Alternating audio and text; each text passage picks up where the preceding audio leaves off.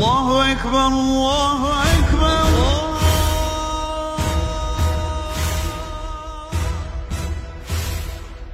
Milletimin isteğiyle, devletimin desteğiyle, reisi cihan emriyle Ayasofya açılıyor.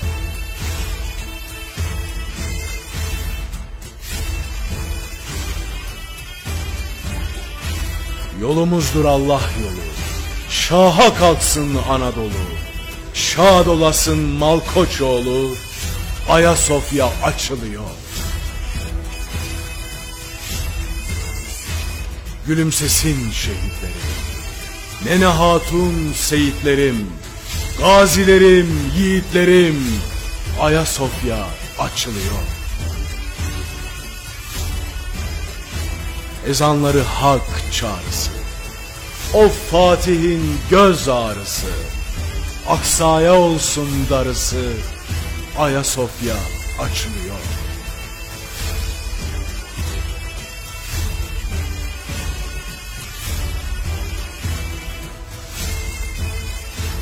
Saflar hilal sıra sıra.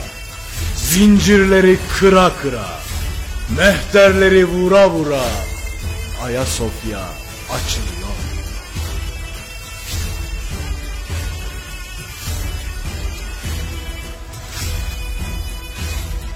Cihan ezanı dinlesin.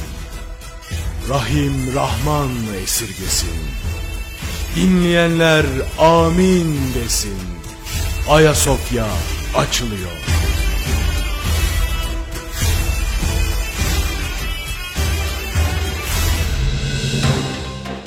Hayırlı akşamlar sevgili dinleyenler. Erkam Radyo'da Küresel Gündem programını dinliyorsunuz. Ben Deniz Beytullah Demircioğlu. Dış politikanın nabzını tutan yeni bir Küresel Gündem programında daha karşınızdayız. Yoğun bir haftayı geride bırakmak üzereyiz. Doğusundan batısına dünyanın hemen her yerinde önemli gelişmeler yaşandı, yaşanıyor. Ancak hem batı hem doğu kamuoylarının gündemlerinin odağındaki konu Ayasofya'nın zincirlerinin kırılmasıydı. 86 yıl sonra Ayasofya'nın zincirlerinin kırılması hiç kuşkusuz değil haftanın son yılların en önemli hadisesi olarak tarihe geçti. Ayasofya'nın cami olması konusunda Danıştay kararını açıkladı. Danıştay 1934 tarihli Ayasofya'nın müzeye dönüştürülmesi kararını iptal etti. Böylece Ayasofya'nın cami olmasının önü tamamen açılmış oldu. 86 yıllık hasret sona erdi. Ayasofya'nın yeniden ibadete açılması kararı ve bu kararın yansımalarını etraflıca konuşacağız. Ama gelin dünya gündeminde bu hafta öne çıkan gelişmeleri kısa bir hatırlatalım.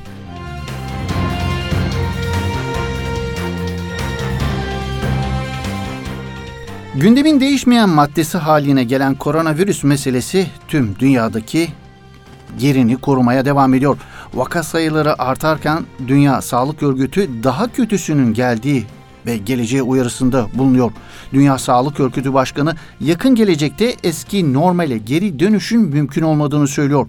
Dünya genelinde koronavirüs vakalarının sayısı 13 milyonu aştı bu arada. Bu vakaların 1 milyonu sadece son 5 günde tespit edildi. Salgın dünyada şu ana kadar 500 milyondan fazla can aldı tüm dünyayı etkisi altına alan koronavirüs salgını ile ilgili yeni bir araştırmada yayınlandı. İngiliz bilim insanları koronaya karşı bağışıklığın geçici olduğunu ve insanların grip gibi sürekli COVID-19'a yakalanabileceğini açıkladı. Bilim insanları ayrıca aşının uzun süreli koruma sağlayamayacağını da belirtti.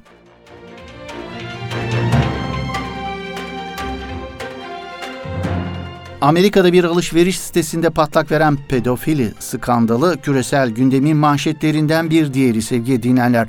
Amerika'da mobilya ürünleri satan e-ticaret mağazası Five Fair'ın kayıp çocukların isimlerini kullanarak pedofili ve çocuk kaçakçılığı yaptığına dair iddialar geçtiğimiz birkaç gündür özellikle sosyal medyada üzerine en çok konuşulan konu oldu.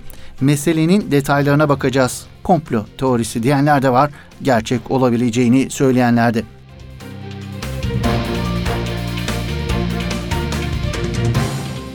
Kafkaslar'da Azerbaycan ile Ermenistan arasındaki gerginlik yeniden tırmanışa geçti. Ermenistan, Azerbaycan'ın başkenti Bakü'nün 439 kilometre batısındaki Tavuz'da tehlikeli bir kışkırtmada bulunuyor. Taraflar arasındaki çatışmaların derinleşmesinden endişe ediliyor. Azerbaycan Savunma Bakan Yardımcısı Kerim Veliyev, iki gündür devam eden çatışmalarda Ermenistan ordusunun çok sayıda askeri araç ve mevzilerinin imha edildiğini vurguluyor karşı saldırılarla Ermenistan ordusundan yaklaşık 100 askerin öldürüldüğünü bildiren Veliyev, Azerbaycan ordusundan da kayıpların olduğu bilgisini paylaştı. Veliyev, sınırdaki Tavuz bölgesinde Ermenistan ordusunun düzenlediği saldırının püskürtülmesi sırasında Azerbaycan ordusundan 11 askerin şehit olduğunu söyledi.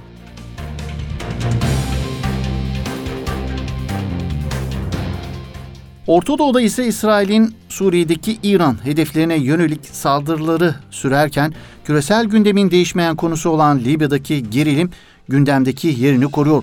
Libya'daki iç savaş kamuoyu önünde yapılan ateşkes çağrılarına rağmen derinleşiyor. Gözler Türkiye destekli ülkenin tek meşru hükümeti olan Ulusal Mutabakat Hükümeti'nin Sirte ve Cufra'ya yapacağı operasyona kilitlenmiş durumda. Ulusal Mutabakat Hükümeti ordusu Sirte Savaşı'na hazırlık için bölgeye asker ve zırhlı araç sevkiyatını sürdürüyor. Öte yandan ülkenin doğusunda bulunan ve darbeci General Halife Hafter'i destekleyen Tobruk Temsilciler Meclisi ise komşu Mısır'dan Türkiye'ye karşı doğrudan askeri müdahale çağrısında bulunması Libe eksenindeki gelişmelerde ön plana çıkıyor. İran'daki gizemli patlamaların sırrı bir müddettir Orta Doğu'nun gündeminde konuşulan konulardan bir diğeri sevgili dinleyenler İran'daki patlamaların faili olarak gösterilen İsrail, İran'daki her olayın bizimle bağlantısı olacak diye bir şey yok diyor. Koronavirüsün neşet ettiği ülke olan Çin, Doğu Türkistan'daki Uygurlar ve diğer Türkiye toplumlara yönelik asimilasyonuyla gündemdeki yerini koruyor. Pekin yönetiminin Müslüman Uygur nüfusu eritme çabalarıyla ilgili hazırlanan son raporda zikredilenler gerçekten tüyler ürperten cinsten sevgili dinleyenler. Gündem analiz 86 yıl sonra Ayasofya'nın zincirlerinin kırılması yoğun küresel gündemin en önemli gelişmesiydi kuşkusuz. Danıştay 10. Dairesi'nin Cuma günü Ayasofya'nın camiden müzeye dönüştürülmesine dair 24 Kasım 1934 tarihli Bakanlar Kurulu kararını iptal etmesi hem Türkiye'de hem de dünyada büyük yankı uyandıran gelişme oldu. Bu karar Ayasofya'nın cami olarak ibadete açılmasının önünün açılması anlamına geliyordu. Danıştay'ın gerekçesinde Ayasofya'nın Fatih Sultan Mehmet Han Vakfı mülkiyetinde olduğu cami olarak toplumun hizmetine sunulduğu belirtildi. Gerekçede vakıf senedindeki cami vasfı dışında kullanımının ve başka bir amaca özgünlenmesinin hukuken mümkün olmadığı sonucuna varılmıştır ifadeleri kullanıldı.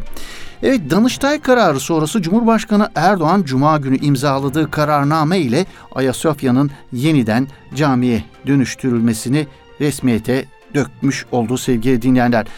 Gelin önce Ayasofya'nın ibadete açılmasına ilişkin tepkilere bakalım. Karar Hristiyan dünyasını üzüntüye boğarken İslam dünyasının sokaklarında sevinçle karşılandı denebilir. Türkiye ve Erdoğan takıntısıyla yatıp kalkan kimi Orta Doğu rejimlerinden çatlak sesler gelmedi değil tabii ki. Evet Ayasofya'nın zincirlerinin kırılması karşısında Batı dünyasının kelimenin tam anlamıyla bir şok yaşadığını söylememiz gerekiyor.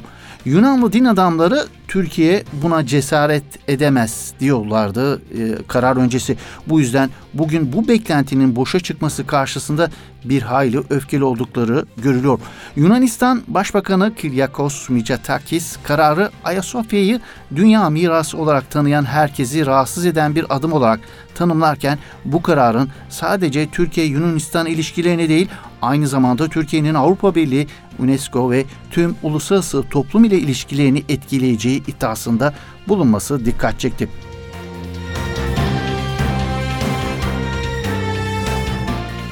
Amerika'sından Rusya'sına birçok çevreden ve ülkeden gelen telkinlere, baskı ve dolaylı tehditlere rağmen Ayasofya'nın yeniden ibadete açılması oldukça önemli sevgili dinleyenler. Türkiye'nin uluslararası ilişkilerde nedenli güçlü bir aktör haline geldiğini gösteren önemli bir başka gösterge oldu bu karar. Ayasofya'nın ibadete açılması kararından sadece Yunanlılar değil, rahatsızlık aslında bütün Batı dünyası tarafından paylaşılıyor. Ayasofya'nın yeniden ibadete açılmasına Yunanlılar çıldırmış gibi tepkiler verirken Ruslardan farklı farklı sesler geldi. Putin yönetiminden Türkiye'yi darıltmamaya özen gösteren bir siyasi dil kullanılırken özellikle Rus din adamları, kimi politikacılar Türkiye'ye karşı oldukça sert açıklamalarıyla Türkiye'nin bu kararına tabir caizse öfke kustular. Örneğin Rusya Dışişleri Bakanı Yardımcısı Sergey Vershin'in Ayasofya'nın cami olarak ibadete açılması kararını Türkiye'nin kendi iç işleri olduğunu belirtti. Buna ne Rusya'nın ne de başka devletlerin karışmaması gerektiğini de vurguladı. Putin yönetiminden gelen bu siyasi açıklamalara mukabil Rusya'nın Komünistleri Partisi yetkilileri Ruslara Türkiye'ye gitmeyin çağrısında bulundu.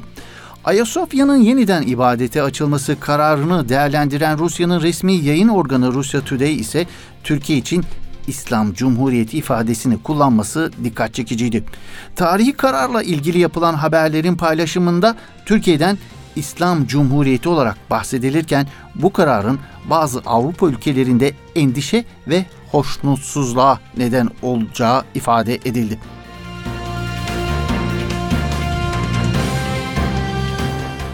Katolik Kilisesi lideri Papa Francesco Ayasofya'nın müzeden camiye döndürülme kararı hakkında ilk açıklamasında derin acı duyduğunu söylerken Hristiyanlık inancının farklı kollarını temsil eden 350 kiliseyi çatısı altında bulunduran Dünya Kiliseler Birliği de Cumhurbaşkanı Recep Tayyip Erdoğan'a bir mektup yazarak Ayasofya kararından dolayı acı ve dehşet duyduklarını söylediler.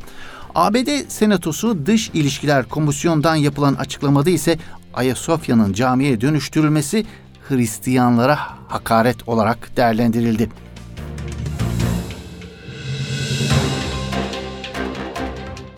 Ayasofya'nın cami olarak ibadete açılmasını bahane ederek Türkiye'ye saldıranlar Batı dünyasının Avrupa'da kiliseye dönüştüren, dönüştürülen onlarca camileri görmezden gelmeyi tercih etmeleri ise oldukça manidar sevgili dinleyenler. Mesela bu anlamda Ayasofya'nın ibadete açılmasına ilişkin kararı en çok eleştiren Yunanistan'da Osmanlı dönemine ait ve bugüne kadar ayakta kalmayı başarmış eserlerin çoğunluğu yıllardır amacı dışında kullanılıyor. Bazı camiler yapılan tadilatlarla kiliseye dönüştürülürken kimileri ise bar, pavyon veya müstehcen film sineması olarak kullanılıyor. Yunanistan'da Türk İslam mimarisine ait 10 binin üzerinde eser ve eser kalıntısı bulunduğu tahmin ediliyor. Osmanlı döneminde inşa edilen bazı eserler restorasyon bahanesiyle dönüştürülmeleri için Bizans dönemine ait oldukları yönünde kayıt altına alınırken kaderlerine terk edilen birçok eserde zaman içinde harabeye dönmüş vaziyette.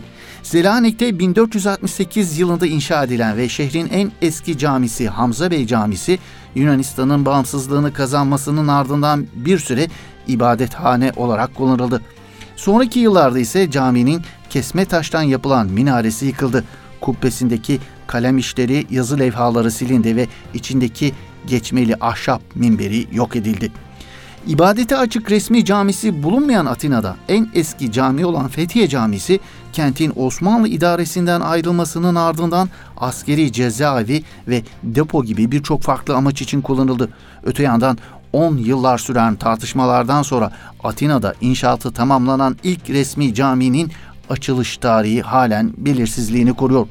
Yanya, Yirit ve Larissa gibi birçok önemli Yunan şehrindeki camiler de aynı kaderi paylaşmaya devam ediyor. Rodos'taki Sultan Mustafa Camii de nikah törenlerine ev sahipliği yapıyor. Batı Trakya'daki Müslüman Türk azınlığa ait din görevlilerinin ülkenin diğer bölgelerinde altıl durumda bulunan bazı camilerde dua edip cuma namazı kılmak için yaptığı başvurular ise Yunan yönetimi tarafından reddediliyor.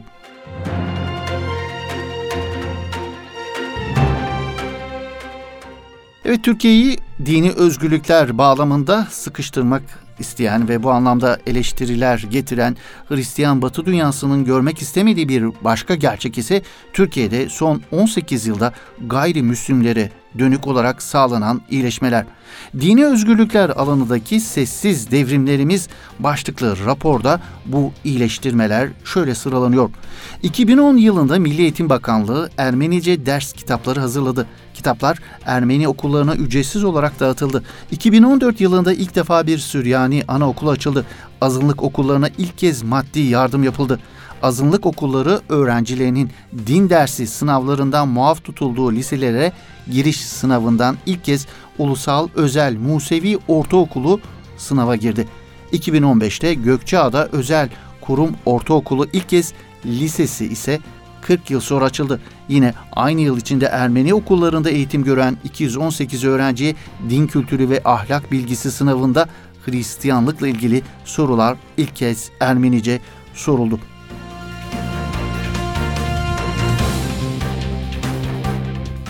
Türkiye'nin 86 yıllık ayıbı düzelterek Ayasofya'yı yeniden camiye dönüştürme kararı Hristiyan dünyada üzüntü ve öfkeyle karşılanırken buna mukabil Orta Doğu'nun despotik rejimlerinin borazanlığını yapan kimi çatlak sesler hariç İslam aleminin genelinde ise Ayasofya'nın yeniden ibadete açılması kararı büyük bir mutlulukla karşılandı sevgili dinleyenler. Yapılan açıklamalarda Ayasofya'nın yeniden cemaate kavuşacak olmasının heyecanı göze çarparken söz konusu hamlenin Kudüs'ün ve Mescidi Aksa'nın özgürleşmesi için ilk adım olduğu kaydedildi. İslam dünyasından birçok olumlu mesaj gelirken El Eser gibi bir ilim yuvasını darbeci Sisi'nin emrine veren sözde isimler Ayasofya'nın yeniden ibadete açılmasından duydukları rahatsızlıkları dile getirdi. Ayasofya'nın camiye dönüştürülmesi İslam öğretileri ile çelişiyor şeklinde bir zırvada bulunan El Eser'in eski imam yardımcısı Abbas Şuman İslam farklı dinlerin ibadet yerlerine saygı duyuyor ve İslam'da caminin kiliseye dönüştürülmesine izin verilmediği gibi kilisenin de camiye dönüştürülmesine izin verilmiyor şeklinde bir değerlendirmede bulundu ki bu değerlendirmesi de Arap sosyal medyasında dahi yoğun bir biçimde eleştirildi. Bu arada bu şahsın Mısır'da kıldırdığı namazı üç kez iade etmek zorunda kaldığını söylersek ilmi derinliği konusunda da bir fikir vermiş oluruz herhalde.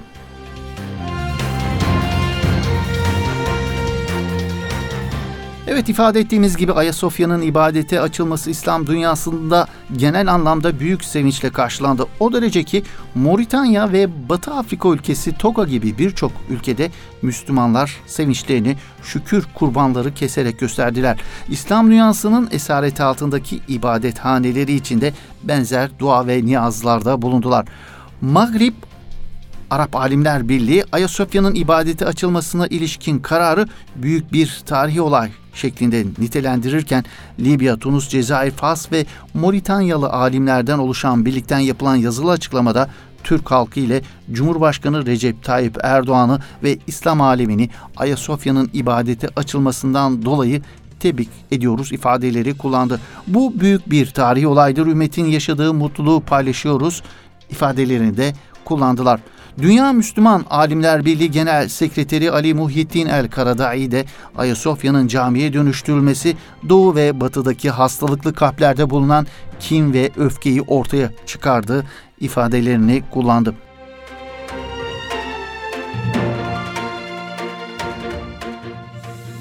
Bu arada sevgili dinleyenler Suudi Arabistan basınının Ayasofya hazımsızlığına ayrı bir parantez açmamız gerekiyor kanaatimizce. Karar sonrası Suudi medyasının yeminli Türk karşıtı kalemleri tarafından kaleme alınan birçok makalede Ayasofya'nın yeniden ibadete açılması eleştirildi. Sosyal medya hesaplarında Suudi yazarların Trump'ın Kudüs, Golan ve 100 yılın anlaşması, Netanyahu'nun Batı Şeria'yı ilhak ve Mescid-i Aksa kararlarına karşı tek bir söz söylememeleri eleştiri konusu oldu. Mesela Arap News'te Talal El Turifi imzasıyla yer alan Erdoğan Ayasofya'nın statüsünü değiştirerek ayrılıkçılara oynuyor başlıklı görüş yazısında tarihi yapının yeniden camiye dönüştürülmesinden duyulan rahatsızlık dile getirildi. Yazıda mevcut Türk hükümetinin Cumhurbaşkanı Recep Tayyip Erdoğan yönetiminde Arap dünyasına karşı yaptığı şey eski Osmanlı alışkanlıklarının bir yansıması denildi. Fatih Sultan Mehmet ve Osmanlı hakkında hadsiz ifadelere yer verilen bir görüş yazısında Ayasofya'nın cami olmasından duyulan rahatsızlık dile getirildi. Türkiye ile ilgili asılsız iddiaların yer aldığı yazıda Ankara'nın Arap içi çatışmaları ve dini duyguları kışkırttığı savunulurken Türk hükümetinin insanların dini hassasiyetleri ve duygularıyla oynadığı iddia edildi. Fatih Sultan Mehmet'in Ayasofya ile ilgili vakfiyesinin görmezden gelindiği yazıda politikacılar tarihi değiştirmeye veya bükmeye çalışırken tehlikeli bir oyun oynuyorlar. Çünkü gerçekler ortaya çıktığında bu durum geri tepecek denildi. Ayasofya milattan sonra 532 ve milattan sonra 537 arasında inşa edilmiş bir Hristiyan kilisesidir. İfadesinin kullanıldığı yazıda Fatih Sultan Mehmet hakkında hadsiz sözler sarf edilerek şunlara yer verildi. İkinci Mehmet Osmanlı ordusuyla Konstantinopolis'e girdiğinde halk arasında korku ve terör ekti ordusunun şehri günlerce yağmalamasına izin verdi. Fatih Sultan Mehmet'e iftiraların atıldığı yazıda Ayasofya'da ilk namazı kıldıran 2. Mehmet'in bu hareketinin istismar olduğu da savunuldu. Suudi kalemlerin, yorumcuların derdi aslında sevgi dinlerler Ayasofya'nın yeniden ibadete açılması değil. Aksine daha yakın zaman önce İslamcı Erdoğan'ın 18 yıldır iktidarda olduğu ama Ayasofya Camii'nin onun döneminde kilitli kalmaya devam ettiği şeklinde yorumlarla Erdoğan eleştiriliyordu. Ayasofya'yı kilitli tuttuğundan dolayı. Bunun İslamcı Erdoğan için bir zül olduğu da vurgulanıyordu. Erdoğan'ın Ayasofya'yı yeniden ibadete açamayacağı, buna gücü yetmeyeceği iddia ediliyordu. Ayasofya'nın ibadete açılması kararı sonrası Arap sosyal medyasında en çok paylaşılan görüntülerinden biri de bu oldu. Suudlu yorumcuların Erdoğan'ın Ayasofya'yı açamayacağını ileri sürdükleri bu meydan okumaları gündeme getirilerek kıyasıya eleştirildi söz konusu yorumcular ve yazarlar sevgili dinleyenler.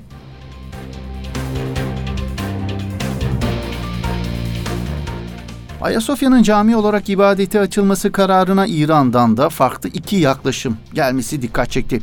İran resmi ağızları memnuniyetlerini dillendirirken İran medyasında karardan duyulan memnuniyetsizlik ön plana çıktı. İran Dışişleri Bakanlığı Sözcüsü Abbas Musevi, Türkiye halkı ve Müslümanların memnuniyetle karşıladığı Ayasofya'nın ibadete açılması kararından biz de mutluluk duyduk ifadelerini kullanırken İran İtimat gazetesi Ayasofya Camii'nin açılma kararını Erdoğan'ın kozu başlığıyla verdi. Söz konusu gazetenin baş yazısında da karar Osmanlı İmparatorluğunu diriltme projesi olarak görüldü. Ayasofya Erdoğan'ı kurtaramayacak başlığı da kullanıldı söz konusu analizde.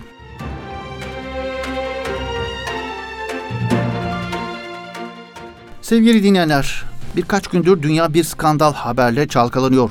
Amerika Birleşik Devletleri'nin en büyük e-ticaret şirketlerinden biri olan Wayfair inanılmaz bir suçlama ile karşı karşıya. İnternet üzerinden ev eşyaları satan söz konusu şirket çocuk ticareti yapmakla suçlanıyor. İddialar komplo teorisi mi yoksa bir hakikati mi yansıtıyor? Önce iddialara bakalım dilerseniz hangi iddialar ortaya atılıyor. Teori ilk olarak bir kullanıcı tarafından cuma akşamı paylaşıldı. Paylaşımda e-ticaret sitesinde 12.700 ile 14.500 dolar arasında satışa çıkartılan dolapların fahiş fiyatlarına dikkat çekildi. Teoriye göre internette arama yapıldığında Neriah, Yaritsa, Samiyah gibi adlarla satışa konulan bu dolapların model isimlerinin kayıp olarak aranan çocuklarla örtüştüğü görüldü. Ayrıca bu dolapların seri numaralarının yanlarına belli bazı kodlar eklenerek Rus arama motoru Yandex'te arandığında bikinili çocuk fotoğrafları getirdiği de teoride yer alan bir başka iddia oldu. Teoriyi yazan kullanıcı iddialarını güçlendirmek için e-ticaret şirketi çalışanlarının şirket yöneticileri pedofili olmasını protesto ettiklerini de öne sürdü. Diğer başka komplo teorilerinde olduğu gibi burada da basının bu skandalın üstünü örtmeye çalıştığı ve şirketi koruduğu için haber yapmadığı da ifade edildi. Şirket yaptığı açıklamayla tüm iddiaları yalanlarken ABD basını da komplo teorisinin doğruluğuna delil olarak gösterilen iddiaları incelediği ve bunların gerçeği yansıtmadığını ileri sürdüler. Yine ABD medyasına göre iddiaların arkasında Amerika Birleşik Devletleri'nde derin devletin Trump'ı devirmeye çalıştığını savunan aşırı sağcı gruplar olduğu ileri sürüldü.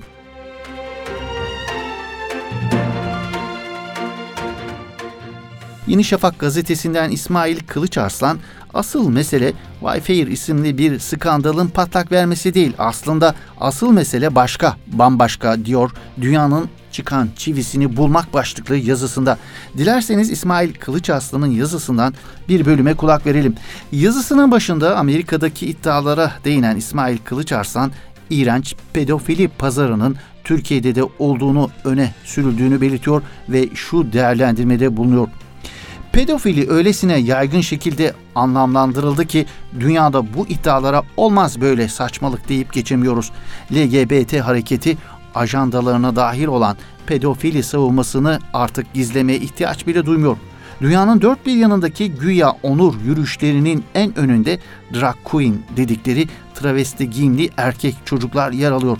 Dünyanın dört bir yanında uzmanlar pedofiliyi normalleştirmek için canhıraş şekilde argüman üretiyorlar. Elbette ki ürettikleri argümanlar eşcinsellik için ürettikleri argümanlarla çok paralel. İşte yaratılışı böyle. Biyolojik etken. Kimse Netflix izleyip eşcinsel olmuyor. Eşcinsellikten nefret edenler aslında gizli eşcinsel. Bak bak bak. Bırakalım Amerika Birleşik Devletleri'ndeki 2007 doğumlu pedofili simgesi Despont'u bir yana. 16 yaşında çektiği klip bin türlü pedofili göndermesi barındıran Aleyna Tilki'nin içkili mekanlarda sahne alamayacağı ilkesinin üzerinde özgürlük de özgürlük diye tepinen bir kamuoyunun varlığı son derece korkutucu. İnsanlığın sapkınlığı öyle bir noktaya ulaştı ki herhangi bir birey Özgürlük Putu isimli atına binip istediği istikamete sürüyor ve buna olmaz öyle şey itirazı yapan herkesi arkaik, çağ dışı, gerici ilan ediyor sistem. Pedofili odaklı güya sanat filmlerinde çocuklara tecavüz eden adamlar kadınlar için kurulan cümle ya aslında özünde iyi bir adam ama dürtülerini kontrol edemiyor. Yazık oluyor. Hollywood'da, Avrupa sinemasında hatta Türk sinemasında son 20 yıldır kötü hatta nerd olarak canlandırılan bir tane eşcinsel karakter yok. İlle de çok iyi, aşırı anlayışlı karakterler olarak resmediliyorlar. Aynı şey hızla pedofili içinde hayata geçiriliyor. Adam zaten çok iyi biri. Eh çocuğun da biyolojik olarak içinde var. Öyleyse pedofili çok da kötü bir şey değil cümlesi endüstri eliyle yaygınlaştırılıyor.'' Akıl almaz bir yere gidiyor dünya. Çivisi çıkarılıyor. Yakında çocukların fotoğraflarıyla falan pazarlandığı erişime açık siteler göreceğiz ve işin kötüsü LGBT hareketi tüm dünyayı buna hazırlayacak. Belki Wi-Fi'de mesele o değildir. Belki gerçekten de yazıldığı gibi stok meselesidir. Hatta bir hacker işidir. Belki Türkiye'deki sitelerde yer alan ürünlerin makul bir açıklaması vardır falan. Mesele bunlar değil. Mesele örneğin Birleşmiş Milletler'in raporladığı 96 bin kayıp mülteci ve alt sınıf çocuğun bu pazara düşmediğine dair elimizde tek bir delilin olmamasıdır. Çivinin çıktığı yer burasıdır diyor İsmail Kırıçaslan bu önemli değerlendirmesinde sevgili dinleyenler.